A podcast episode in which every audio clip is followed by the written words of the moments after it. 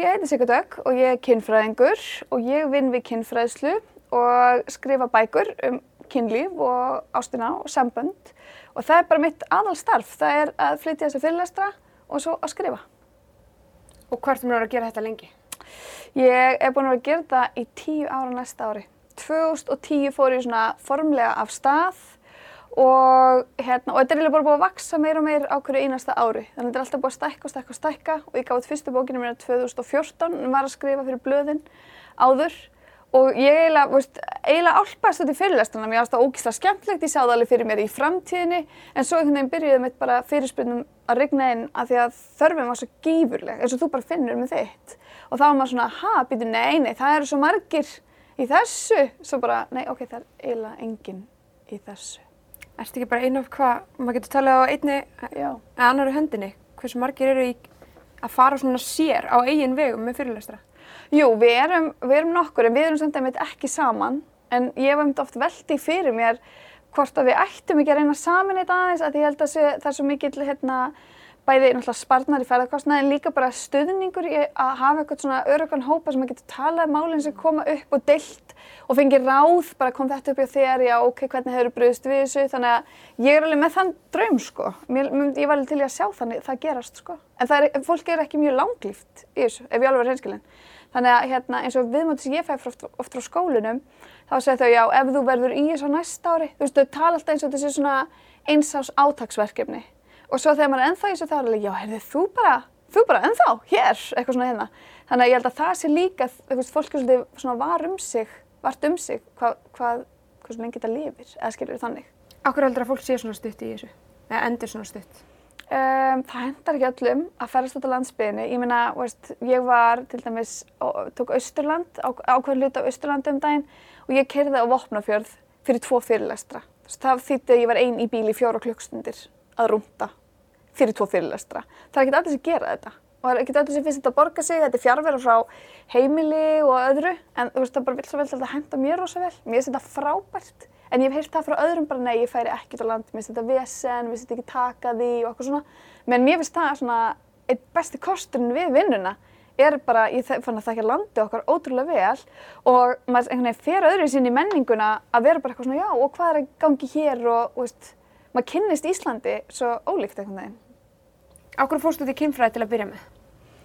Um, ég hef bara alltaf verið ótrúlega heispjuslaus og opinn og einhvern veginn ótrúlega forvitin um þetta og bara sérstaklega þegar ég fór að tengja þetta allt saman saman svona þegar maður var úlingur eitthvað að þá, þá fannst mér þetta bara svona, þetta er bara eins og þú veist að fá þér vasshópa núna. Ég er bara, vá, við erum bara öll í þessu pakka. Við erum bara öll að pæla í þessu en það er enginn að tala um þetta. Þannig að það var eitthvað neginn svona, ég líka mátulega svona eitthvað uh, töfraþrá svona Harry Potter þrá.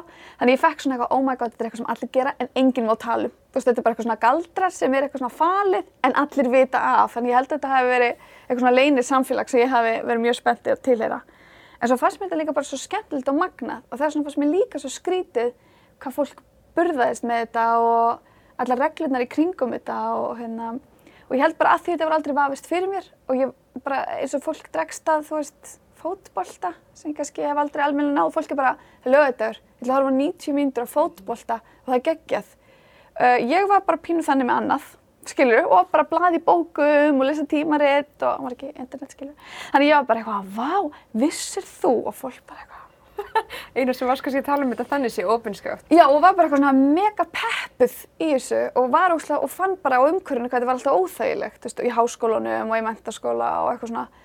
Og svo þurfti ég alveg bara þegar ég fatt að maður mætti vinna við þetta þú veist þegar ég fatt að það væri farvegur til að vinna við þetta þá var það bara eitthvað svona uh, já, ég ætla að hætti vinnunni á morgun flytja til útlanda og ég ætla að gera þetta. Og ég man bara svona ég var bara svo geggja spennt að byrja fyrsta dag í mínu skólunum bara hvernig er þau bekkjafélaginu mínir, hvernig er þau kennararnir mínir.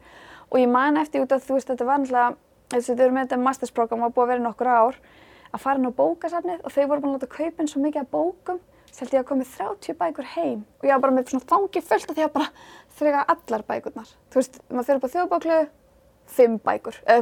upp á þjóðbóklu, 5 bækur eða eitthvað svona og ég bara, nei, nei, það, ég náði ekki svona að taka allar. Það er bara fleiri, ég þarf bara að fara marga daga, þú veist. Þannig að þá opnast líka fyrir mann nýðir heimur að fá bara geggja frelsi til að tala um kynlíf frá öllum mögulegum hliðum í algjöru fordómaleysi og fá að vera ótrúlega forvitin um aðra og veist, að læra svona mikið. Þetta var bara svona, okkur um einasta degi kom ég alveg heim úr skólinum bara oh my god, veistu hvað gerast í dag, bara hér. Og ef við heittust bekkjafélagarnir, þá vorum við bara að ræða þetta. Og við fundum svo mikið frelsi í því að við erum bara, vá, við hefum aldrei fengið þetta pláss til að fá að ræða þetta. Þannig að það var held ég rosa, og var líka gott að komast held ég svolítið frá Íslandi með það sko, í bara allt aðrar samræður og eitthvað. Og svo fyndið, ég með svona, nýtt, ég með svona eitt svona eitthvað hliðarverkefni, ég ætlaði að gera svona massíft listaverk, nema svo, og mér vantaði klámblöð til þess, gömul klámblöð. Og ég setti bara á Facebook, þetta bara náttúrulega tveim vikum, setti á Facebook bara, ef þú gömul klámblöð, svo þú fyrir að henda, ekki henda þeim, sendi mér þau í postkröfu ef þú nennir. Og ég fór bara að fá alls konar skilabóð og ég fór fyrir eitthvað að keirum landið að pikka upp klámblöð, ég er ekki að grínast, stýrt að senda í posti, skiljum, mm -hmm. svo þungt. Mm -hmm. Og þetta er óslega mikið blekt og blátt. Ég vildi sérstaklega blekt og blátt, en ég var til í að taka öll hennur. Og ég fór skoða blekt og blátt. Ég er bara í sjokki. Ég er bara í sjokki yfir hvernig blekt og blátt var og hvernig tala var um kynlíf á Íslandi bara svona, ég var að segja, 99-2005. Þetta er bara allt öðru sem við tölum um kynlíf í dag og við, við bara, það, það er svo mikið sínt og ég meiri samast á tíma internetsins ég fann að ég var alveg það er bara einhverju allsbyrri sjóminn á Dalvík hérna og það er í alveg allsbyrri sjóminn á Dalvík undir fullu nafni eitthvað gamna sér í fristihúsinu og þeir heita eitthvað eitthva, eitthva, þeir heita eitthvað dulafullir drjólar á Dalvík og ég bara, nei og ég fann að ég ráðna og ég bara oh my god, þetta gæti enda á Facebookinu og ég var gæðveikt svona oh my god, ég var að fela þessi blöð. Þú veist, ég var bara svona, ég get ekki fara eitthvað að klippa þetta, þetta eru bara sögulega minjar um Ísland. Og ég var að blaði eins og ég fann ég fór bara hjá mér og ég bara, hvað er þetta að gera? Þetta er bara allir undir nafni. Svo ekki fyrirspilt frá einni koni og hún bara, hæ, herri, ég er í henni tölublaði, ef þú átt á verið til ég að fá það? Og ég eitthvað fyrir gegnum all tölublaði, ég, ég finn þig ekki eitthvað. Ok, þannig að starfið femmamann, svona. Við minn almáttur. Í ólíkar áttir, þú veist. Hvernig fannst þér, fólk tala eins og þú ert að tala um, hvað, tíu ár síðan eða eitthvað svo leiðis? Þegar, tíu, fimmtán? Já. Hvernig fannst þér svona, bara þú lítið tilbaka, finnst þér margt hafa breyst á þessum árum, bara var kannski, hlut, voru hlutinu meira tabú þá, hvernig upplifið þú þetta? Nei, nefnilega, það voru aðri hlutir tabú. Það er eiginlega kannski málið, það voru hérna, þá bara önnur umræð og við erum búin að tala um, ég er búin að tala um það rosa mikið við kynfræðinga á Norðurlandunum, að því við ætlum að tengjum þeim svolítið og við erum alveg að finna svona, veist, þessir, svolítið að tala um þessir íhaldsumi vindar frá Amríku, þeir eru alveg búin að hafa mikil áhrif yfir Evrópi líka yfir Norðurland og við sjáum það bara með hægri flokkonum og svona, þannig að það er ímislegt sem er að verða aftur tabú sem varða ekki, sem þótti mjög eðlert og náttúrulegt, sem allt hennu búið að kynvæða og gera eitthvað svona fela skömm, þannig að við sjáum allt hennu afturkvarf, en svo svo við fram og við með rosa margt og, og svo finna þessu merkir núna sem er alltaf fyrir sér af hverju unga fólk eru stund að minna kynlíf og það er allir að pæla í þessu. Og það sem finnst þá að mitt þeim var að pæla já, þú veist, sjáðu hvað hvernréttindabarðan er búin að áorka.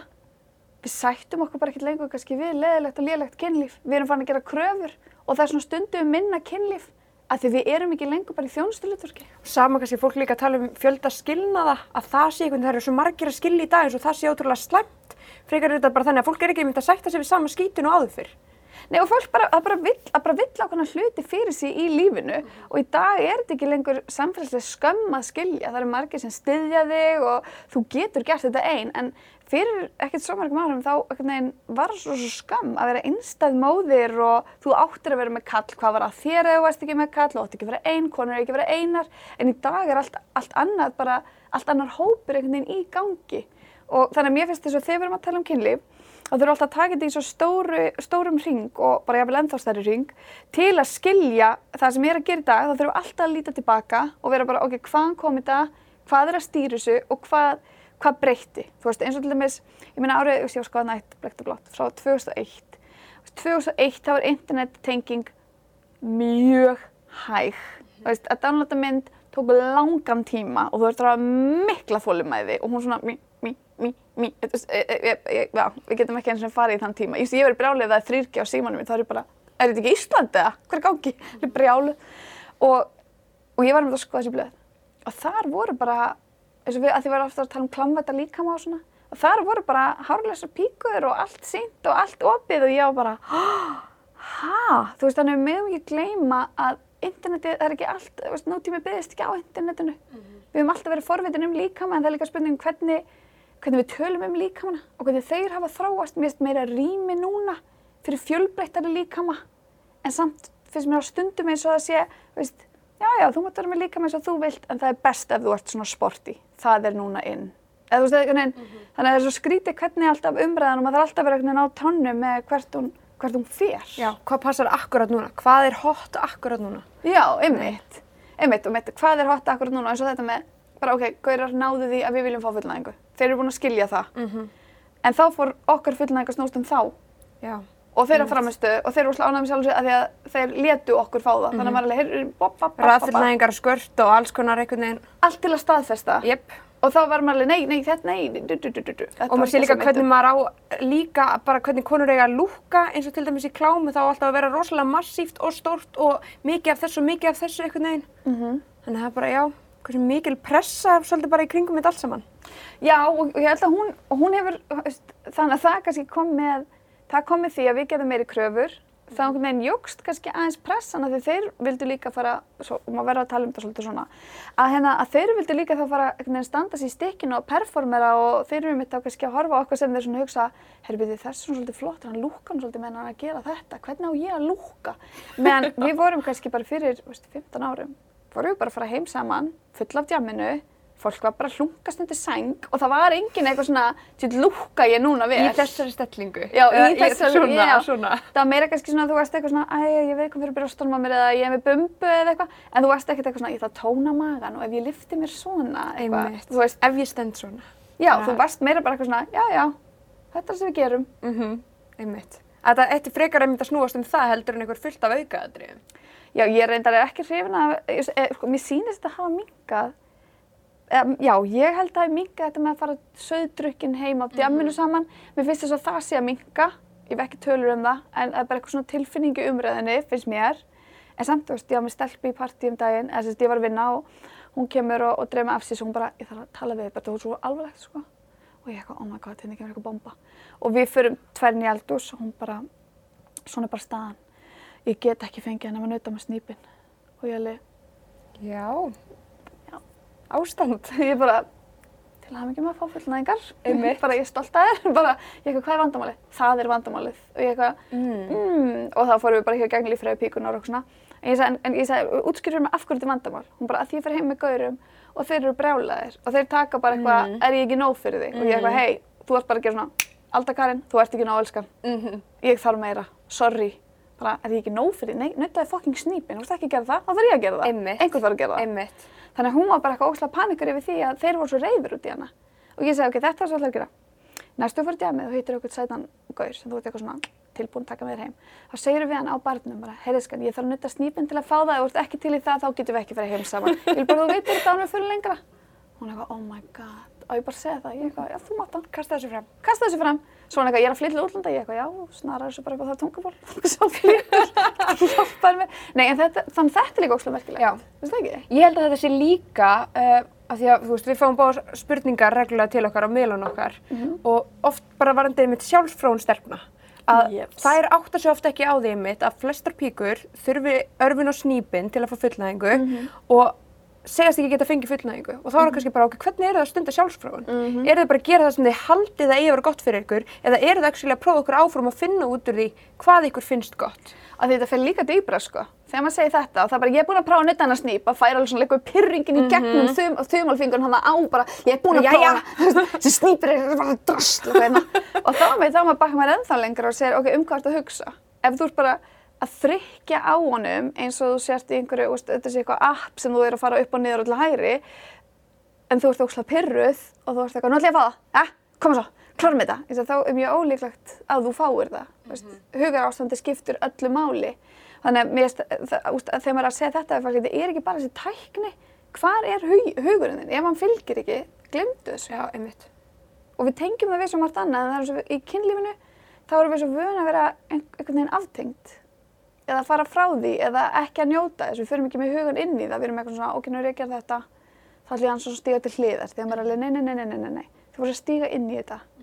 En þá held ég að sé út af því að kynlífsveisla margra, sérstaklega hvenna, er ekki fyrst með sjálfur sér, heldur með einhverjum öðrum og þá oft á tíðum er svo kynlífsveisla mjög leiðileg og lítið gefandi og lítið uppörfandi og ekki um þig. Af því að mannskið sem með er líka bara að fikra sig kannski áfram og veit ekkert.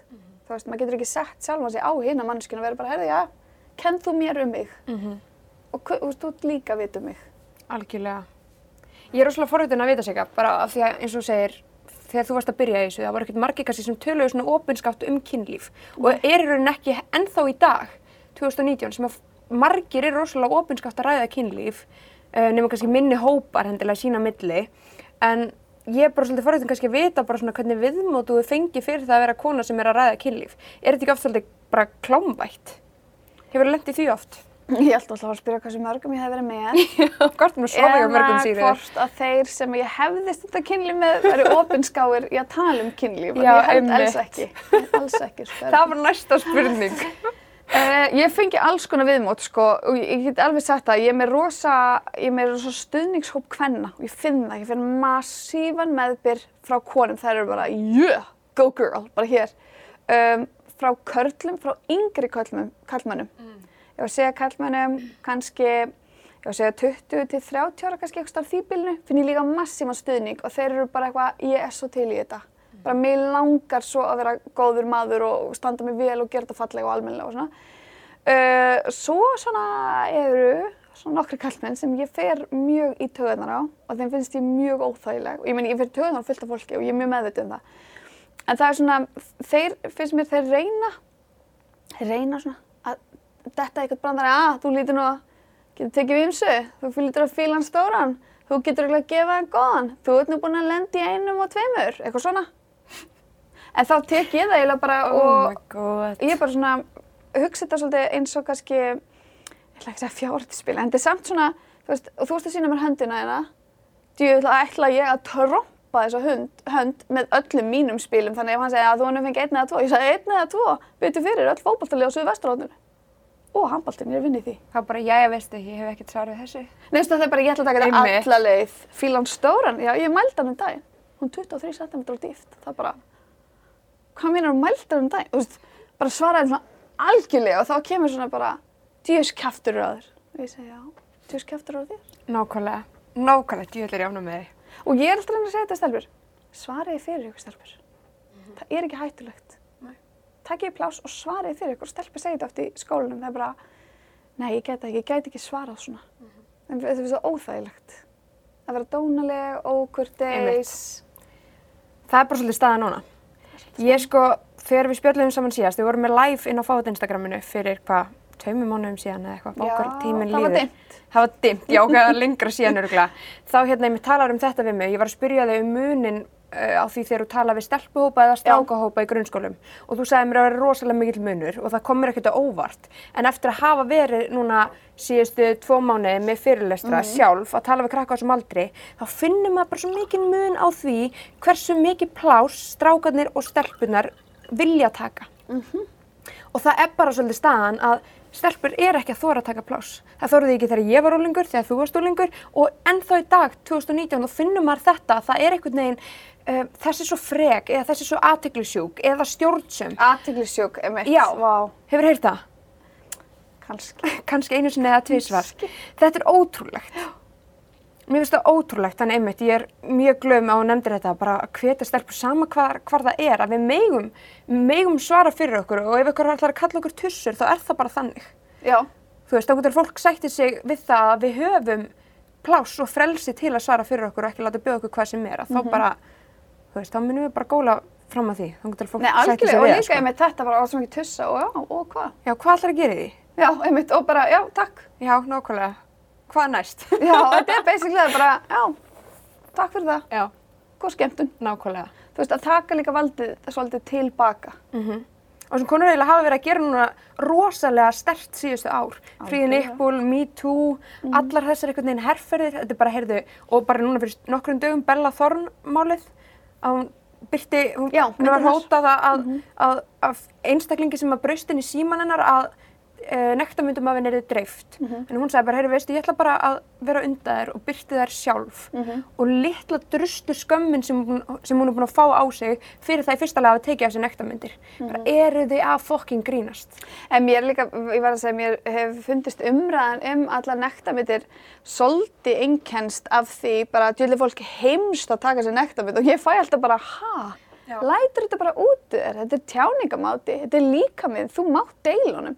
Og það eru margir, bara líka hérna á Íslandi, sem ég viðtölum hafa sagt þetta, ég er aldrei svo heimskur eða svo heimst eða fólki vitlaust eða veit fólki, þetta er ótrúlega fordæmandi og maður er bara, heyrðu, halló, halló, við erum algjörlega villigötu. Þú veist, þannig að drustuskaminn lifir ótrúlega góðu lífi, hún bara færist alltaf einhvern veginn í nýjan búning. Já, og allar þessar líka herferðir, þetta, þetta snýst um það að, sko, við megum fá að ákveða sjálf, eða sjálfar, hvenar við erum kynferðislegar, eða hvenar líkamann okkur er kynferðislegur og hvenar, hvenar við erum kynverur. Þetta er ekki til að þvinga stelpur til að vera það alltaf eða aldrei, heldur bara við fáum valið um okkar líkama sjálfar. En þetta er líka þarna, ef þú fer, sko, ef þú fer í söguna og ef þú, þú spólið tilbaka og þú hugsa hvernig er búið að tala um konur og hvernig er búið að stjórna konum 1950, 60, 70, 80, 90, allt þetta. Þegar það er verið að tala um hvernig við eigum að klæða okkur og bera okkur fram fyrir aðra, ekki, le- það er ekki gaman að horfa á hana eða skilur mig, verður nú svolítið sæti eða verður svolítið fara, Brostu. já, brostu, taktu þið eins til, verður brjóstaldra svo að brjóstin séu fallegri formuð. Allt, nei, allt þetta, þú veist, færði megrun ef þú væri hans grenri, ef þú væri hans svona, ef þú væri hans hitt. Þetta spilar allt inn í þetta, allar inn í allar þessu hugsanir og ég hef oft sagt það og ég man ekki alveg hvað við sögðum senast, við sögðum svolítið margt. En hérna, en ég hef oft hugsað þetta og ég var um þetta að tala um þetta bara á fundi í morgun. Ég sagði, og við erum að pæla í einu, sko, þegar þú ert kona, þá þá byrjar dagurinn, þinn byrjar á ákvörðunni að vera kona. Dagurinn byrjar þannig, nærföt, fötin yfir það, fötin yfir það, svo heldur ákvörðunin áfram þegar þú fyrir á klósett og tekur þið til hvernig konast í dag, hversu mikil kona. Ég segi, og svo tekur, heldur ákvörðunin áfram með þig þegar þú kemur inn í eld og svo taka ákvörðunin um morgunmatinn, hversu mikil kona ertu og hvernig lítur, lítur dagurinn út. Þannig að þú veist, og svo horfum maður kannski á kallmenn og þeir, með, ég er ekki að segja þess ekki beittir neinum pressu, þeir eru beittir alls konar pressum, en þeir eru ekki beittir þessum, þessum pressum. Þeirra dagur byrja oft þannig að þeir eru bara, er ég að fara formlegt eða casualt, þeir eru ekki býtið er nærbuksna far. Já, ætti ég að vera í aðhaldsbróka því annars er ég spurður hvort ég sé, já þá get ég ekki borðið jafn mikið, mér mun mjög liða illa, ég að fara að sita mikið í dag þannig að aðhaldsbrókin mun skerast inn. Þetta er ekki. Og að segja að konur geti, sé ekki góður í hugareikningi, þá er bara ekki að tala við konu og hvernig hún lifir sín degi, sko, í alvörunni. Og þetta er kannski líka dítil sem maður áttar sig ekkert endilega á að maður er, Nei. er í raun og veru að spá í allan daginn, alla daga. Meip. Þú veist, eins og ég bara með brjóstahaldana, þú veist, eru brjóstu mín við hæfi í dag eða ekki, Mhm. til dæmis, og í hvaða aðstæður er ég að fara, hvenar er ég viðeigandi og hvenar er ég ekki viðeigandi. Að því að konur eru mjög fljótt haldar dónalegar eða óviðeigandi, Já. en strákar aftur á móti kannski ekki jafn mikið. Nei. Eins og við rettum síðast þegar við tölum saman, bara með það að vera einhvern veginn að klóra sér í klófinu. Mhm. Hvað þeir strákar hafa miklu meira rými til að gera það heldur en til dæmis stelpur. Mm, Já, Bara algjörlega. það, sko. Algjörlega. Þannig já, þetta er mjög áhugavert. Og ég meina, ég, ég hef aldrei átt samræður við kallmenn. Eða svona, þú veist, jú, kannski með makan mann sem maður er mikið með því að maður er svona alveg klestur upp ykkur annað eitthvað. En ég hef átt mjög regla samræður við allar mína hvern vinkonur, og það sem ég hef spurt þær og þær hafa spurt mig, er svitalikt af mér. Já. Og ég hef bara mjög oft umgengist kallmenn sem er bara mikil svitalikt af og þeir eru ekkert eitthvað, og þeir eru veginn ekkert eitthvað svona, herru, sorry, ég veit að er svitalikt af mér, þeir eru einhvern veginn sorry, ég lykt, hann finnur lykt af mér og Já, við erum með ylvatn í töskunni og auka svitaldeiðir. Ert þú með ylvægt sem ég má, ég má fá hjá þér? En, og, og við erum í öllum þessu pakka þannig við erum, við erum svo mikla löggur, við erum alltaf á mónitor okkar og bara, og, og skanna, og skanna líkamann, líður mér illengstar, hver er staðan á þessu, já ég þurft að vera meira ræktina því ég er aum þarna, þú, þú, þú, þú veist þannig við erum bara, fú, fú, fú, þetta er svo mikið álag. Þetta er bara klósettinn á djamminu hjá stelpum. Ertu með sólapúður? Já, Bara erum við ekki á djamminu. En maður, maður tekur þátt í þessu sjálfur og maður er eitthvað, jú, ég er með, ég tók með mig fullt. já, og ég er með líka með auka tórtapa og auka dömbindi, auka pandar, þú veist. Nákvæmlega. Úf, já, já. En, en þau bara, þau eru ekki gengið í þessum skóm. Og manni finnst í alvörunni erfitt þegar eins og ég fæ oft alls konar fólk sem að sendur á mig hérna aðalega karlmenn, það er jafnbritt á Íslandi. Og það er jafnbritti og hvað þarf þú feminisma hérna á Íslandi og eitthvað svona. Og það er oft svo erfitt að benda samt á þessar hluti. Um, og ég menn það verður erfitt ofta að benda á kynferðslega áreitnina sem maður var að fá- var að fá senda til sín í formi uh, bara alls konar ógæslegra skilabóða eða uh, óumbeðina kynfæramynda og svona áður en að ég hafði þessa Instagram síðu Mhm. til að byrta það og þá var, ég menn það var erfitt að benda á það. Við sjáum þetta bara í könnunum, menna, veist, hvern kennarar koma verð út úr hérna, svona kennaramati heldur en karlkennarar. Þú veist, við sjáum þetta bara allstaðar, við erum dæmdar harðar, við þurfum að leggja meira á okkur og við erum gaggrindar meira og við erum gaggrindar öðruvísi, eða skoða í líka fjölmjölu umræðu og öðru. Þannig að maður verður bara eitthvað svona, oh my god, þetta er ofan á allt hitt sem ég hef búin að vera að setja á mig og svo plús það, þá erum við oft í samböndunum okkar, þá erum við trúnað manneskja makans. Þú veist, þannig að við eigum kannski 12 aðra trúnaða mannskjur sem eru vinkonur okkar. En makin á kannski bara okkur. Þannig að þú veist, þetta er svo, hérna, ég, var- ég var spjallið dag og vorum að tala um kvennavinnustæði og þá var að segja að þú veist, það er alltaf mikið drama hjá kettlingum og mikið vesna kvennavinnustöðum og þá kom hún með rosa góðan punkt sem ég var að spjalla við. Hún sagði mitt, hún sagði, já, en inn á kvennavinnustöðum, við getum ekki komið heim og kvartað undan vinnun okkar, af því það er ekki hlusta þannig á okkur heima hjá okkur við erum það sem tökum við kvörtunum. Þannig að oft er líka mikið trúnaðarsamband inn á hvenna vinnustöðum að því að við erum að leysa málinn þar og við erum líka að fá útrás fyrir öllu sem er í gangi heima hjá okkur. Þannig að þetta er oft flóknari vinnustæðir út af líka dýnamíkinni heima fyrir. Þú veist þannig að þetta er allir þessi hrærugrautur og þegar fólk er eitthvað feminismi, sminismi og maður er alveg, heyrðu, veist, staldraðu bara aðeins Já. við. Það eru bara til ofnbæra tölur um til dæmis bara launamismun. Já. Að við. Leynamismun ekki til á Íslandi, bara, já, Já, ok. Þetta er bara til töflu, sko. Konur þurfa bara að vera dugleri, Já, mín. einmitt. Það er bara máli. Herru, ég tók saman uh, lista af nafnlausum spurningum sem ég fengi á fyrirlestum hjá mér og þú bendi mér hann mjög sniðu að síðu sem að þá krakkarnir gáttu spurt mig að nafnlausum Mhm. spurningum. Og ég tók saman lista því að sko lang flestu spurningarnar sem ég fæ nafnlaust frá, þetta eru krakkar 13-15 ára, um, al- langa algengur spurningarnar varða kynlíf eða einhverju tengt svona bara kynhegðum þeirra eða annara og ég bara, ég veit ekki hvað ég hefði gert Sigurdögg á þessum fyrirlestrum ef ég hefði ekki ný verið búin að spjalla við þig síðast. Þú, í alveg, þú kendi mér svo margt hérna síðast og ég bara, ef ég hefði ekki verið búin að ræða við þig, ég veit ekki hverju ég hefði svarað hana. En ég allavega tók saman lista af spurningum sem að ég fekk og reyndi að svara eftir bestu getu. En mér langar að- að fá þig hérna til að kannski reyna að fara hans yfir þetta með mér. Ok. Ertu Til í það. Reynum þetta. Þú er eflaust heyrt margt af þessu áður. Við erum spyrðað að þessu. Já, kannski. Kannski. Kannski eins og þetta svo. Hvernig virkar kynlíf? Já, það er frábær postur á Instagram að ganga núna sem er svona, hérna, svona plaggat. Hún er Hazel Mead sem er listamæðurinn eða listakonan sem gerir þetta. Og það er einmitt verið að segja hvað kynlíf getur verið. Þú veist, að því að kynlíf er, getur verið svo ótrúlega margt og ég er alltaf að segja við krakkana skilgreinið hvað kynlíf er fyrir ykkur og hvernig kynlíf ykkur langar að stunda. Ég er ekki hrifin af þessum pælingum með forleik. Mér finnst það bara bullshit, mér finnst það allt vera kynlíf og mér finnst við ekki, Mm, ekki- að ekki setja það stingskipta því eða lagskipta eða eitthvað, já þetta er eina almennlega kynlífið. Þannig að ef þú getur ekki farið limurinn í legung þá ertu ekki í almennlegu kynlífi. Mhm. Þú ert bara í upphitun. Ég er bara nei, þetta er ekki eins og sett bara að horfa á stikluna sko. Þannig líka gleymir maður allir í umræðinu um hinsegin fólk eða bara Allri. einstaklingar sem að stunda annað kynlíf heldur en tippin í píku. Sem eru rosa margir. Rosa margir, Mér nákvæmlega. er það fólk sem er með teip og bíku.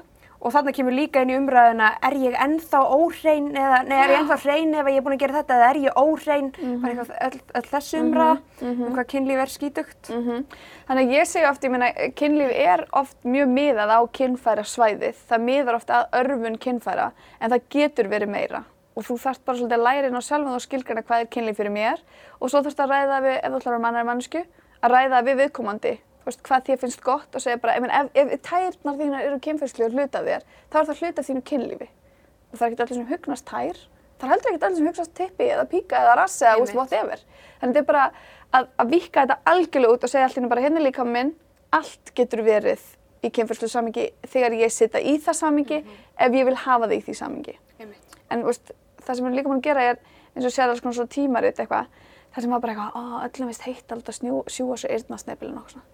Fólk eitthvað, ó, á mér að finnast það. Em, það er bara máli. Bara, Svo þetta var með slefhljóð. mm Svo þetta enda þar smög þurfa allir að prófa það einu sinni. Já, já, eitthvað svona, ha, Nú er það inn, bara, ó.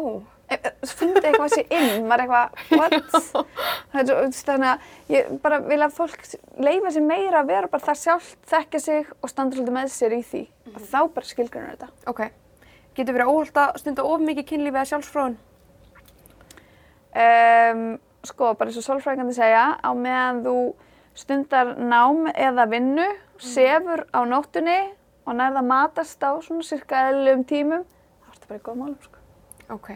Þannig það, það er kannski hægt að vera háð eða háður þessu. Uh, það er ótrúlega flókin og stór spurning um, og fólk er náttúrulega með áráttu og þráhyggju fyrir allskins hlutum en þegar fólk er að tala um yfirleitt, þegar ég fæ spurninguna um eins og sjálfsfrón og mikla sjálfsfrón þá er svona talan sem fólk er að hugsa er kannski einhver stálbilinu fjórir til sjö sinnum á dag. Og það er ekki að tala um í rauninni alla daga, þetta er svona einhvern veginn tilfallandi. En mér að fjóri til sjö sinnum á dag er heldur ekki tættulegt en ef þið eru illt í kynfærunum eða þetta eru hamlandi fyrir þig þá myndir maður fara að skoða það. Ef það hamlar daglegu lífi eða þetta er sásökafullt svona önnu hvort svo kategóri Ok. Ég fekk eina spurningu á fyrirlestri hérna uh, sem að mér fannst pínu vond í hjartað að fá. Uh, og það var, er það skrítið að vilja bara klára fyrsta skiptið sitt af og vera bara búin með það? mjög algengt Þetta er þessi pressa að, sko, ok, ertu nógu góður, ennþá hrein á þessum aldri eða, Já. og allt þetta. Getur aðeins svona, Já, og þetta er líka bara svona, uh, við sjáum íslenska rannsókn frá 2016 minnum mig, sem tveir ljó, ljósmaður gerðu á uh, upplifun kvenna af fyrsta skiptinu eftir fæðingu. Mm. Fyrsta kynlífskiptinu eftir fæðingu. Þá segja þær nákvæmlega þetta, klára þetta, koma þessu frá, fara þetta á nefanum, afgreða þetta. Að þetta er líka góð svolítið... skemmtun. En þetta er svolítið viðþarf okkar oft, oft viðþarf hvenna til samfara og svo þegar þú ert með kannski kallmenn þegar eru orðnir svona nálagt tvítugu að þá ertu komið með þetta 40 year old virgin slash incel dæmi. Stimpill. Þá ertu komið með eitthvað svona, veist, og þetta er líka þetta fyrir þessa hugmynd að þú skuldir einhverjum kynlíf í sambandi og að kynlíf þurfa að hluta af öllum sambandum og að eitthvað breytist við það að stunda kynlíf. Þannig að það er rosa mikið, ég, ég fyrir rosa mikið í þetta oft með krökkarum, þú breytist ekki, það breytist ekki til þess, það er engin sínileg breyting sem verður. Skiljum, þetta er ekki eins og galdrakallin í ós, við förum ekki úr svartkvöldu yfir í lit, það er ekkert sem í alvörunni breytist við þetta. Það er svona, þarf ekki að gera þetta svona stóru máli, þetta fyrsta skiptimál.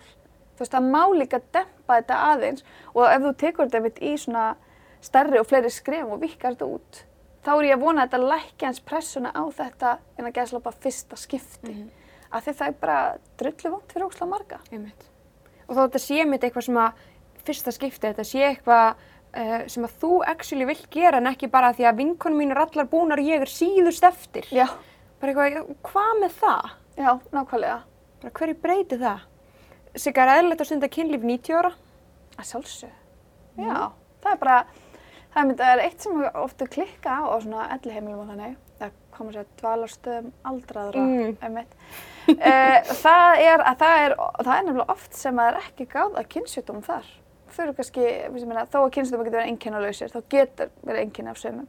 Og einkenni kynnsjúkdóma eru keimlík mörgu öðru, þannig að fólk, gamla fólki okkar, fer ekki kynnsjúkdómatest. En ef þú skoðar tölur frá landlækningssambættinu um eins og tilkynningaskylda kynnsjúkdóma, eins og leikanda og klamdíu, þá er alveg 70 pluss sem er að greinast hverju ári, sko. Og enginn talar um þetta? Ég ætla ekki að segja enginn, en, en þetta er fáir. Það er ekki vinsælt. Nei. Gamla fólki og klamdían. Og viðbrunni mitt frá ungu krakkanum þegar maður var að ræða þetta bara, ég myndi auðvitað, ég myndi að alls konar fólk á alls konar aldur stundar kynlíf með alls konar fólki, að þá bara, oi, amma eða afi, bara, ég myndi að fólk stundar kynlíf. Ég segi þetta oft sko, ef ég vantar aðtegli í bekknum, bekknum alveg eitthvað svona, eitthvað aðeins komin og þegar njálgstemming, þá gerir ég eftir eitthvað, hei þið veitir alltaf að amma ykkar fráa sér, hún á örgulega kynlífstæki og þá kemur bara svona, hvað sagður þið? Þú veist, þetta er bara svona, athyglin. já og svo maður eitthvað, og, og langama líka örgulega, sennilega, kannski ekki græju samt og þau eru bara eitthvað.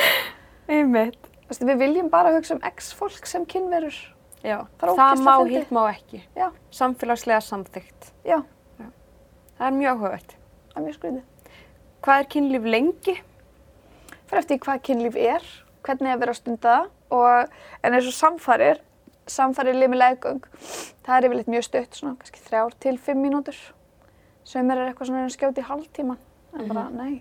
Jú, maður heil líka ofta umræðan bara, ég endist í fimm tíma. Bara, er, og er þeir ekki ílt? Eða, þú veist, En fyrir þetta að þú ert inn í annari mannesku þá er viðkomendur hann svo aumur Já. og viðkvæmur. Veist, þetta er bara svona, hvað er að endast, veist, og, ég skil ekki líka að því að krakkar er myndið að segja mér oft því þau eru bara að stilla síman til að mæla tíman og eitthvað svona og ég hef alveg gaman alls konar vísindatilrunum en þetta er kannski ekki alveg það sem, veist, gerða þegar þú ert að fróa þér eða eitthvað og reynda að bæta eitt persónulega met eða ég veit það ekki. Hinn manneskjan bara, jæja. Já, en þetta er líka, með, veist, fólk miskilur það líka rosa mikið, sérstaklega samfæri lífið leggöng, að þú er eitthvað endast lengi. Það sé rosa flott. Ef þú endist mjög lengi þá ertu betri í rúminu. Já, einmitt, en svo er maður alltaf eitthvað, hvað segiru? Og hver er hann undan snýpinn? Engin? Nei, frábært. Til hann ekki með rúsinutippið, það skilur mig. Vísindatilurinn, nei. Já, bara, nei takk. Mhm. Gerði það á einhverjum öðrum tíma, í einhverjum öðrum útfæslum, sko. En hvað þýðir að vera góður í rúminu? Hvernig getur maður orðið gó- góður í rúminu? Ég held að nummer eitt, þekka sjálfa þig, vita hvað er fyrst gott og hvernig er fyrst það gott. Nummer tvö, geta ekki við leiðbynningar um sjálfa þig. Mm. Númer þrjú, geta spurt um leiðbynningar, þess að með annar mannsku, geta tekið við leiðbynningunum og vera alltaf duglegur að tjekka inn á mannskun sem þú ert með. Já. Alltaf staldra og taka bara spurningarnar, er allt í lagi, finnst þér það gott og má ég halda áfram. Mm Alltaf að taka tjekk og stöðu. Ekki vera bara eitthvað, nú erum við búin lengi saman, gera það oft, ég veit alveg hvernig þú virkar. Einmitt. Að þið verum breytilegt í dagsforminu. Fólk má bakka út hvenna sem er. Já, maður bakka út og breytum og bara þetta er ekki að virka fyrir mig í dag. Þú veist, maður kannski finnst bingokkur góðar eða ekki alla daga. Einmitt. Veist, bara slökum á, gefa mér hlaup. Mm Þú veist, þannig að bara að, að, að, vera opinn fyrir ert með og svona tilbúin að bara, já, ó, ok, ekkert mál. Þannig að þetta, er- eru bara tjáskiptin, þetta er ekki einhver tækni eða einhver stelling eða eitthvað svo leiðis. Þetta er miklu betra, bara, miklu betra að leifa sér að fara í sitt eða í ferðalag og koma svo að borðinu og vera bara, heyrðu, ég reyndar veit bara hvernig ég virka. Einmitt. Frekar en umræðan ógislega hratt, ógislega fast og endast ógislega lengi. Já, og hérna, ég skal nú sína þér hvað er að vera góður í bólinu. Já. Já, ok. Frábært. Ég sést bara hvað með popakók á stað. Ah, Þetta er einn algengar spurningi sem ég fekk. Hvernig veistu að þú sér tilbúin? Já, þetta er mjög algeng spurning. Og þarna hjá mér nummer 1, 2 og 3 er einmitt, hefur þú stundar sjálfsfróun? Mm Getur þú sagt hvað þið finnst gott? Getur spurt mannskinn sem með hvað viðkomandi þykir gott?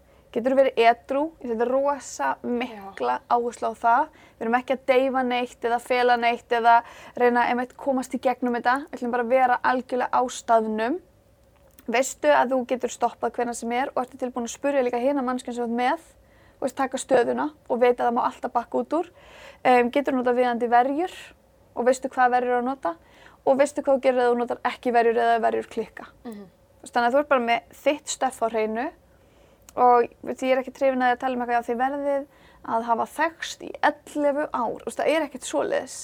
En þetta er bara, er ég þarna, líður mér vel með þessa ákvörðun, langar mig að gera þetta, er mannska sem ég með fær um að gefa mér einmitt samþyggi og talar við mig. Af því við þurfum svolítið, ef við getum ekki tjáð okkur og það er ekki, þú veist, mannska sem er með er ekki að tala við okkur, þá erum við bara svolítið stopp. Einmitt. Þá erum við svolítið bara, og ef þú ert bara byllandi graður eða byllandi gröð, þá máttu bara alltaf smegja hann á baðherbyggi, klára og koma tilbaka og það má bara kúra sko. En það verður bara þetta að vera, ef þú ert að gera þetta með annari mannsku, þá er þetta flóknara og það þarf að taka stöðuna á ert með. Það er bara þannig. Fólk bara ótrúlega ólíkt líka. Maður getur ekki gert ráð fyrir, ok, ég er kannski búin að sofa hjá, sí, eh, mannski sem ég sofa hjá síðast, vill ekkert endilega sama mannski sem ég sé hjá næst. Og bara alls ekki og mjög líklast ekki. Nei, er bara annars og pítsu. einmitt. Algjörlega. Svo betur fyrir ekki allir eins og guðinni. Elsku Guðin okkar, svo vonar hann sé að hlusta. Það var. Guðni er alltaf að hlusta. Það var hann velkomin í podcast til mín að ræða uh, sleipiefni og, og sjálfsfróun og ímislegt. Já, við vissum að guðin sér til það. Hann var örgulega til að vera þetta Kynnu með okkur sigga mín. bessastöð, ég viss. Talandi um verjur. Já, Uh, margir úlingar sem að upplifa það vandralegt að kaupa smokka til dæmis. Mhm. uh, hvað eiga þeir úlingar að gera? Í fyrsta leið er fóreldrar þeirra, náttúrulega, að kaupa þetta fyrir þau, Já. borðliggjandi. Og í annan stað, um, þá er oft gott að hafa svona hugarfarið, uh, ég er ekki að kaupa þetta fyrir sjálf mig, Já, já. og sumir fara jafnvel bara í önnu hverfi eða annar staðar og nýta svona, þessi búið á landi nýta svona eða þeir að fara í kaupstað, Mm. er að fara í borgina og kaupa slatta. En smokkurinn þarf náttúrulega bara að vera eins og við erum að tala með dömbind og túrtab og allt þetta, já, dömbindi, já, tíðabindi og túrtab og allt þetta. Það þarf bara að auka aðgengi, auka sínileikan og Einmitt. hætta að gera þetta svona tabú. Það er bara, það er eitt af því sem það er að gera. Veit líka það er hægt að fá í einhverjum félagsmiðstöðum, þá eru starfsmenn með smokka Já. í einhverju þeirra, ég ætla ekki að alhæfa, alls Nei, ekki. það er nefnilega, það er bara sumum og sumum og stundum og stundum. Einmitt, Þannig að það er svolítið erfitt, en það er um að gera með þetta að hvetja félagsmyndstum sína til að kaupa einmitt. og hafa aðgengilegt. Að því ég meina, þú getur fengið stikkið á veist, undir 54 krónum Já. ef þú kaupir stóran pakka og það er þessi félagsmyndstar getur verið bara jafnvel niðurgrætt þá og þú kau- kaupir þetta 50 kall, 200. En sko þannig er þetta líka, ok, það eru mm, hérna margir úlingar bara einmitt, þú er ekki að byggja mömmu eða pappa, eða mömmu eða mömmu eða hvernig sem að fjölskyldunar eru, að þú er ekki að byggja þau um þetta. En þarna finnst mér líka að foreldrarnir eigi bara að vera fyrri til. Að sjálfsög. Bara, heyrðu, þannig að úlingurinn minn þarf ekki að koma til mín og segja, heyrðu, ég uh, smokkur, bara eitthvað svona, þú veist, krakkar vita ofta ekkert hvað það er að segja, en að vera bara fyrri til, heyrðu, ég ætla bara að láta þið vita ef þú ert ykkur svona pælingum eða ef þú ert stundar kynlíf, eitthvað svona, þá getur þau náðið smokka hér, af því að er Já. þetta ekki, ég meina, foreldrar geta, þeim, þeim að finnast alls konar um það að barnið er að sé að stunda kynlíf, en er ekki betra að börnin, börnin er að sé þá stunda varið kynlíf frekar en eitthvað sem er óörugt eða óvarið? Ég það ég ykkur að í smokkin. Þegar að kunna að setja smokkin á tippið og vita hvernig það virkar og ég segi líka við stelpuna, ég segi að prófa að setja hann á hendina ykkar, prófa að frá ykkur og koma við ykkur og finna hvernig tilfinning það er, maður á að vita hvernig gummið virkar og allt þetta og vera örugum með það. En svo var einmitt stelpa sem hafði samband við mig bara í fyrra dag og hún var einmitt að segja hérna, hún segi ég þór ekki að segja mömmu, mamma verður brjáluð. Og ég sagði já, ég, segi, ég, ég, ég, ég finn til með þér, ég veit þetta er erfitt, þetta eru erfiða samræður, hún sagði en ég, langar svo að ræða þetta við hana. Og ég sagði ok, ég sagði ok, þú getur verið næsta bóku saman, þú getur náðið bókinu mína, þú getur lagt henni á borðið og sagði bara mamma ég er búin að spjalla við þessa konu og ég þarf að ræða þetta við þig af því það er mikilvægt og mér langar það og má ég það og hérna er þessi bók. Ég sagði bara hjálpaði með henni og komið hérna tæki fyrir hana og svona aðstofagagn og segði bara við henni að þetta skiptir máli og segði að ég hafi sagt við þig að það mætti ræða þetta, eitthvað svona hérna. Svona eitthvað, ok, takk, það hjálpar, eitthvað hérna, og maður er alveg svona, oh. þú veist, vegna er svo mikilvægt þegar maður er með fræðslu fyrir úlinga, að vera oft líka með fræðslu fyrir fóreldra, svo þið viti hvað maður var að tala um og svo maður geti kvartu áfram. Og ég segi þetta við alla fóreldra út um all land, kaupiði smokkin og útskýri hvað rannsóknir hafa sínt um smokka innkaup fóreldra og hversu mikill stuðningur það er við það að þetta, úst, þetta virkar, þetta er hjálpsamlegt og gaglegt tæki í kynfræðslu og sem forvörn að þau kaupi smokka og auki aðgengi. Og þegar, bara, mér stundum eins og bara þegar fóreldrar kveikja á þessu, þá er það bara eitthvað, já, djók, auðvitað, hvað er pæla? Einmitt. En þau halda unlingar í dag oft séu ekki, þetta sé ekki vandræðilegt, þau halda unlingar í dag geti allt og séu bara eitthvað, já þetta er ekkert mál, þetta er ekkert vandræðilegt. En þetta er ennþá bara mjög vandræðilegt og þau fá oft skít frá, frá afgræslufólki. Já, pældi því. Bara ógæðslegan skít. Bara sem eiga að vera algjörlega hlutlausir einstaklingar að vinna vinnuna sína. Já. Bara, Og þau fá bara eitthvað, hvað er verið að fara að ríða? Og eitthvað Já. svona alls konar, hvað er þú nú gammal fyrir þetta? Þú veist, ma og maður bara eitthvað, ha? einmitt. Ég skil alveg, ég hef alveg fulla saman með þeim að þetta sé flókið og erfitt. Þannig fóreldrar grípið inn í, Þokkalega. uh, ég var að ræða píkur. Gerum það. Alltaf gaman að ræða píkur. Alltaf til það. Víkar hún við kynlíf? Sko, píkan, það sem hún gerir er þegar hún er eh, ekki æst, þegar hún er bara slök, hún er bara að horfa Bachelorette og alveg slök, eða kannski ekki slök yfir Bachelorette. Nei, það er engin slagur yfir Það er bachelorette. engin, nei, emmitt, ok, finnum annað dæmi. Þegar hún er slök, hún er að horfa á teiknumyndir, það er ekkert að frétta, ekkert að gerast, og Janni. Já. Og hérna, að þá er hún, þá er hún bara yfirleitt eh, svona frekar ósmurð og hún er ekki alveg, og slegungin er alls ekki lokuð, en þau eru svona frekar svona, þau eru svona, í- eigum að segja samdregin, ok? Og eitt af því sem gerist þegar hún verður gröð, þá byrjar hún að bleita sig, það fyrir blóðflæðinu til kynfara, snýpurinn tútnar út, barmannið tútnar út, hún byrjar að smyrja, leggungi byrjar að smyrja sig og barmannið smyrja sig og hún svona gefur eftir. Ef þú hu- hugsar þetta bara eins og þurran svamp versus blautan svamp, það er þetta kreista blauta svampin aðeins meira heldur en þurra svampin. Þetta er rauninni þannig. Um, og til dæmis segjum þú hafi verið að stunda kynlíf þar sem eitthvað var sett inn í leggöngin, hvort sem að það sé kynlífstæki, margi puttar eða limur, þá, getur, þá gefur hún eftir og þú getur alveg fundið í smá stund eftir á, kannski alveg upp í klukkutíma, þar sem þú finnur alveg, heiði það er svona eins og auka pláss, en svo gengur hún, innan gæsla bara, gengur tilbaka og bara jafna sig. Þannig að þetta er aldrei varanleg víkkun og hún hefur sín takmörk, skiljur, þú ert aldrei að fara að koma að iPad þarna inn, skiljur mig, hún stækkar ekki út í þið óendanlega. Og píkur er ekki eins og, ég held að við höfum sagt þetta senast, það er ekki eins og sokkar rúmfattalagarnum, það er ekki one size fits all. Og það er bara þannig að píkur eru misstórar, mismikið plás, gefa mismikið eftir, sumar gefa meira eftir en aðrar. Það er bara, það getur smurning, það getur hugastand og svo getur það bara verið líffræði. Þannig það er bara sjúkla flóki, sko. Mér finnst umræðan allavega þegar ég var yngri, þá var þetta oft bara, ó, þessi gæla er búin að sofa hjá svo mörgum, hún er með svo víða píku. Já, nei, nei. Bara, það er ekkert svoleiðis. Það er ekkert svoleiðis. Það er ekkert svoleiðis. Þannig getum við ekki notað túrtapa. Einmitt, góð punktur. Nei og þetta er líka einmitt sko, um, ég fekk eitthvað varandi uh, likla og, og, og, og lás eða uh, líkillin geti opnað, nei hvernig var þetta? Veistu hvað ég er að tala um? Eitthvað pulsur og pulsubröð. Já, eitthvað svona. Já, nei. Og það er bara staðrindin. Það komast bara ekki allir limir inn í allar píkar. Það var einu sem það er svo frábært að fyrirlestri. Hún var bara, ég var eitthvað að því að ég er bara svona fyrir litla limi. Mhm. Og ég eitthvað, gott Vel gert. þér. Bara eitthvað hér. Hún bara, já, nú er ég búin að prófa nokkra og ég er búin að svona sirka finna stærðinu mína Já. og þólmörkin mín. Og hér, já, þetta er samt ekki sem ég spyrað á stefnumótum. Maður er ekkert eitthvað hérna er Einmitt. Slætaðir nú bara. Margir er vilt búin að hérna, mæla sig bara sjálfur, áður. Er það ekki eitthvað? Jú, jú, en, en þá er það kannski bara að mæla lengt, sagði til. Það ertu ekki að mæla, uh, hérna, hvað heitir hér? Ummál. Ummálið. Já. Það getur náttúrulega líka verið Það stóra spilar ma- mikið inn. Já, það spilar mikið Sigga, þetta var þetta hérna, ef þú ert með hurð sem opnast af öllum lyklum þá er það léleg hurð. Ef þú ert með lykil sem opnar allar hurðir þá er það góður lykil. Eða sinna að píka sem að hleypir mörgum tippum að sér, eða öll tippin geta komist að píkunni þá sé hún verri. Þetta var umræðan þegar ég var yngri. Og það var stelpa sem sendi mér þetta núna, eða strákur sem sendi mér þetta núna, 2019. Ég veit það. Af hverju erum við ennþá að tala um samfarir eða bara kynlíf yfir höfuð, í hverju sko setja ykkur að likla og lása? Af hverju hafa stelpur minna rými til að stunda kynlíf heldur en strákar? Einmitt. What the fuck? Svo segir fólk að við þurfum ekki feminisma. Nei, ég veit ekki hversu oft ég á fyrirlesturum með bara yfir höfuð, síðan ég fór á stað með þetta og á undan því, hversu oft ég hef verið kallið öfga feministi. Ég veit ekki eins og hvað auka feministi er. Nei, fólk er að tala um, þú veist, þetta er á að vera eitthvað fyrir kvennrembu, en, en þetta orðsamt að vilja öfga jafnrétti, ef það er farið út fyrir jafnrétti, þá er það ekki jafnrétti lengur, þannig að orðilega fellur um sjálft sig.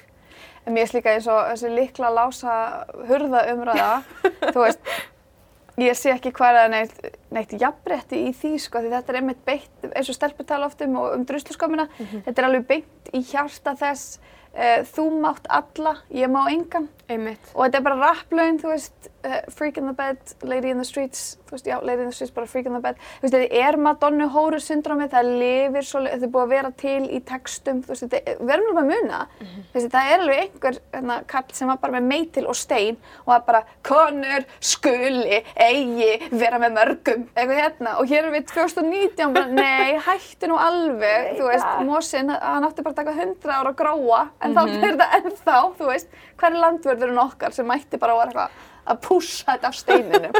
Þannig að við erum að súpa seyðið af svo margra alda gömlu drastli. Þú veist, margra alda gömlum hugmyndum. Burt með þetta. Allan daginn. En það gerum við bara með því að opna umræðin. eins og við erum að gera.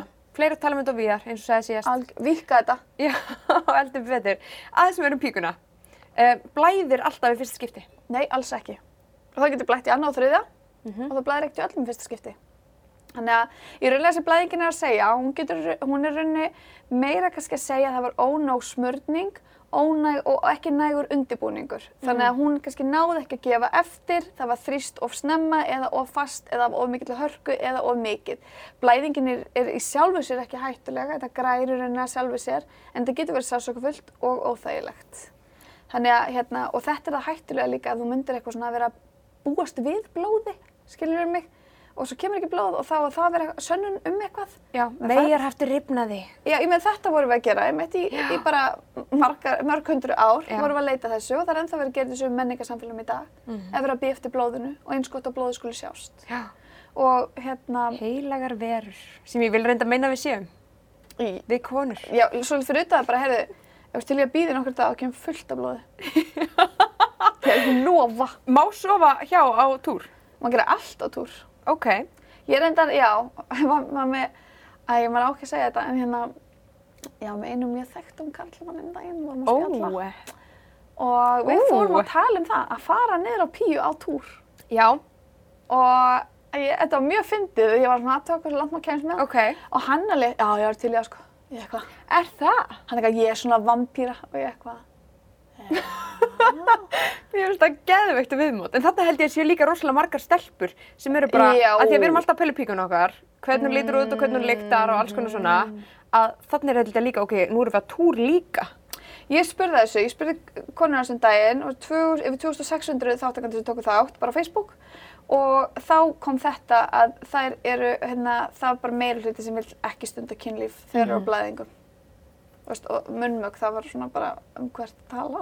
Já, er það í bóði? Ég vil ekki stunda neitt kynlíf og Nei, svo nei. þú spyrum þetta í munnmög, bara ertu snar, Já. skilur Hvað er að þér, kona? Já, einmitt, það var pínu þannig sko, sem er samt svolítið synd sko, að því að, að því að sumar konur líka upplifa þegar það er túr, þá er það svona ekstra blöytur og það er ekstra smörning og sumum Mm. finnst það alveg heitt og sumum líður hormónulega séð, bara eru mjög graðar á túr og ég spurði líka að því mhm. og það voru bara mjög margir sem segist upplifa aukna grættu á túr Einmitt. og það var ótrúlega leiðilegt að það sé svo einhvern veginn að neyta sér um hvers slags kynlíf sem það er sko. Þannig ég held að þessi samræða með að vera, þessi samræða með að vera miklu stærri og meiri með hvað túrblóðið er. Og mér finnst, mér skynja svona breytingu á konum sem að nota þessu túrbygara. Mér finnst þess að þær eru komna svona nær einhvern veginn svona líkamann sínum veist að þetta er pínu átak, eða skilur þú þarfst að læra inn á þetta allt svona og þær eru minna hrættar við túrblóðið núna. Það er minna skítugt eftir að þær fóru svona að kynnast í meira. Mhm. Þannig þá held ég að þetta verði svona eðlilegra og þú veist, en ég menna við sjáum það í menningunum, kannski ekki alveg í kringum okkur en samt, ég menna við, erum fjölþjóðarsamfélag, þar sem að konur eru alltaf bara settar út í skúr þegar eru á blæðingum. Já, enginn að fara í skólan í dag, þú ert á blæðingum, þér blæðir, kona. Vertu Bara heima. Já. Já. Heldu í þessu og verum einhvern veginn hérna bara, já, vá. Maður gleymir oft við hvað forréttindum maður býr við á Íslandi, sko. Já, þú ert líka með stelpur sem eru bara ógeðslega þjáðar á túr og eru heima Já. og þú eru ekki að fara á pilluna þegar þú rættar um að þá segja fólkdrarnir ert að stunda kynlíf eða og það er ekki farið með þetta til læknis, það er bara sagt þú harkar þetta að þér, Já, fáðu þér parkutín.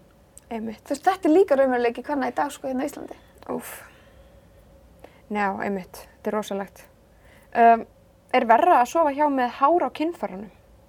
Mér finnst öll umræðast, þess sérstaklega þegar við miðum þetta við píkur, að það eru rosalega mikið verið að pæla sko hvenar á ég að raka mér píkuna og vilja ekki allir strákar að ég raka mér píkuna, uh, veist, hvernig er rétt að gera það og alls konar eitthvað svona og er það betra fyrir mig að stunda kynlíf þegar ég er ekki með hár?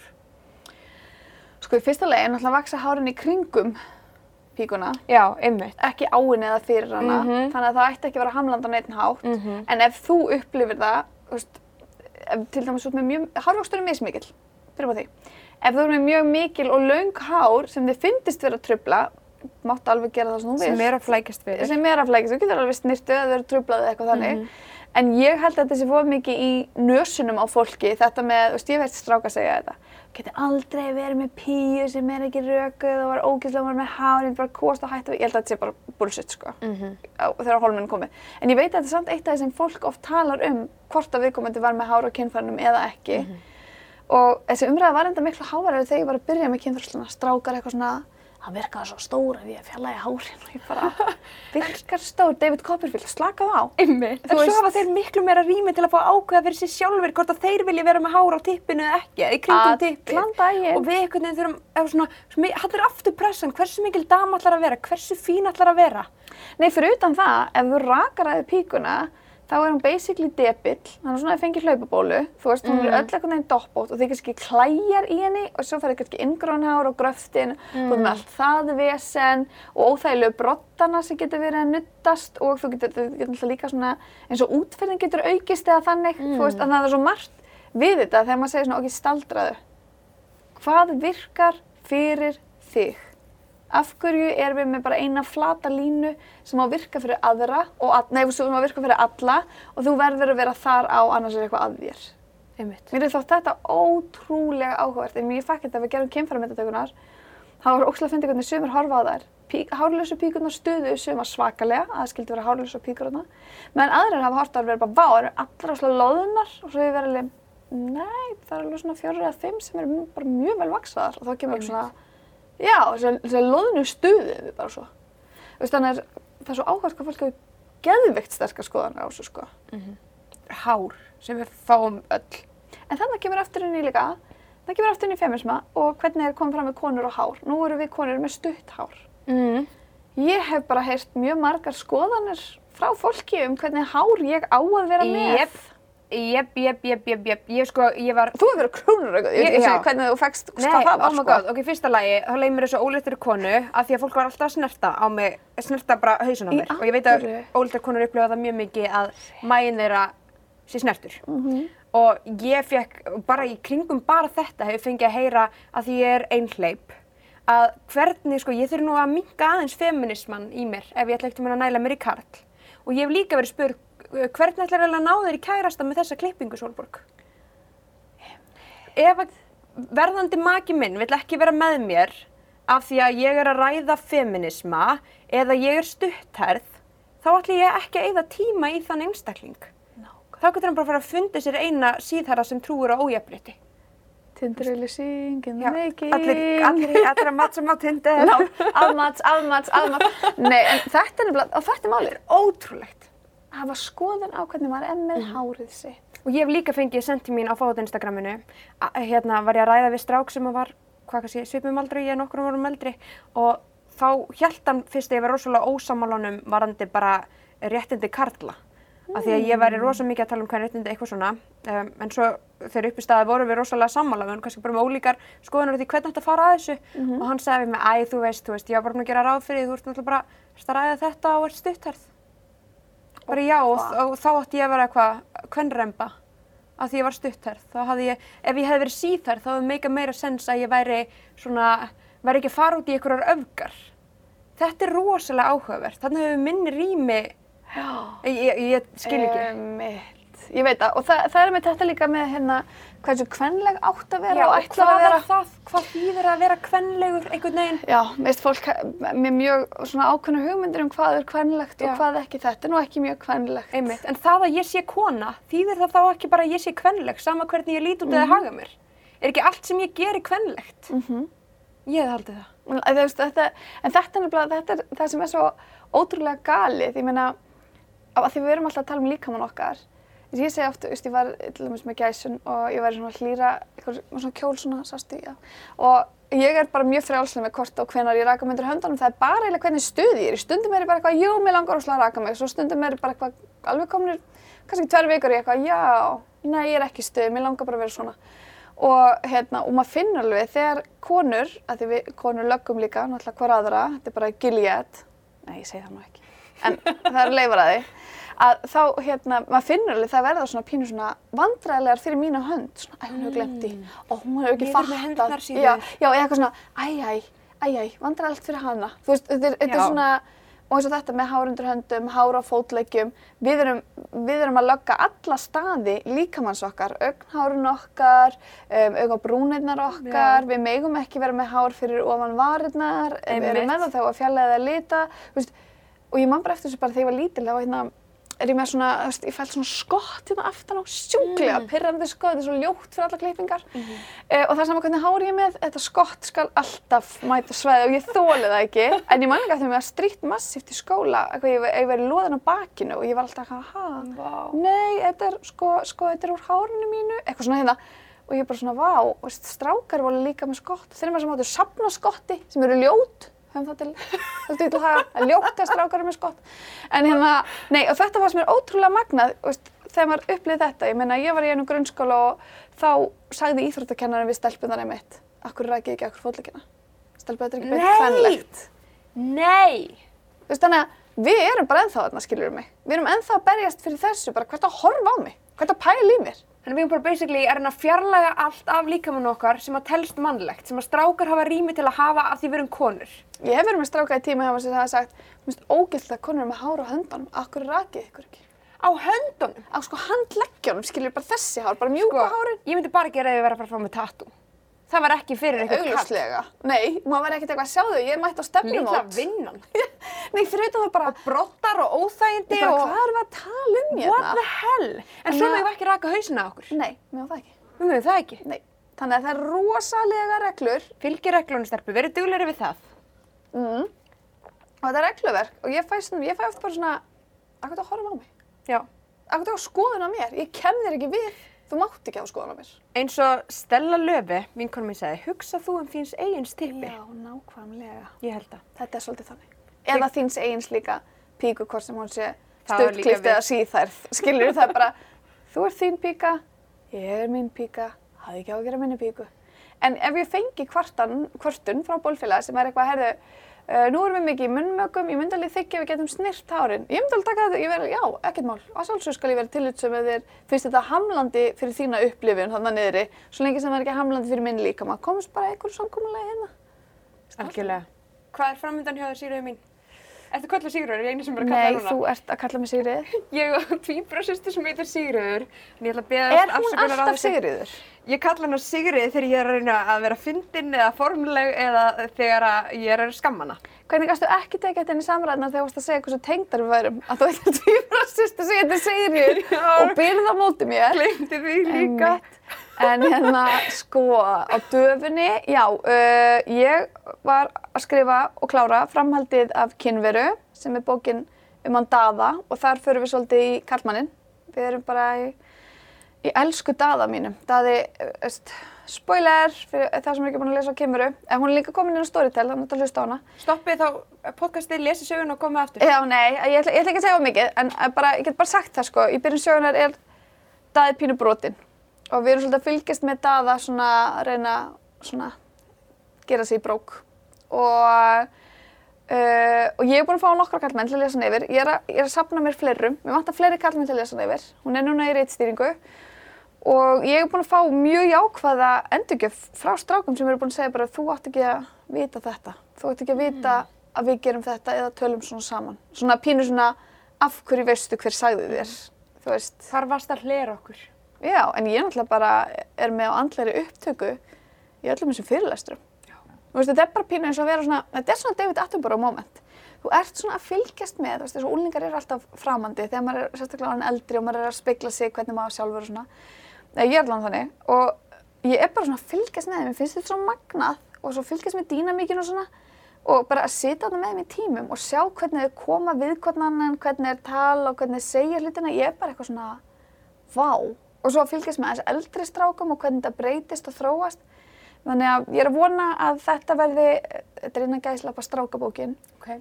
og það er mjög margtar. Það eru ástir á milli drengja og það eru ástir á milli stúlkna og drengja og stúlkna og fólk er óvist og það er alls konar. Af því að það er bara held ég að vera til. Einmitt. Það er að fá það rými. Svo er ég í gæsunum, ég er rosa mikið í því, ekki stekkinum, í gæsunum. Já, ertu búin að taka það á borðinu eða er þið bara að minna að bóka þig? Þeir eru bara ekki að bóka mig. Strákar, eða það gift ykkur ringi í Sigurðök. ekki minna, ekki. Þeir eru bara ekki að fá þig. Nei, það er bara eitthvað svona, af hverju ættum að gera það? Já. Við ætlum að hafa gaman í dag. Skemma partíð. Já, það er ógst að finna það er eitthvað svona, við ætlum að hafa gaman í dag. og svo er komin eitthvað, við ætlum að hafa gaman í dag, við ætlum að fá þig, eitthvað hérna. Og þær eru svo peppaðar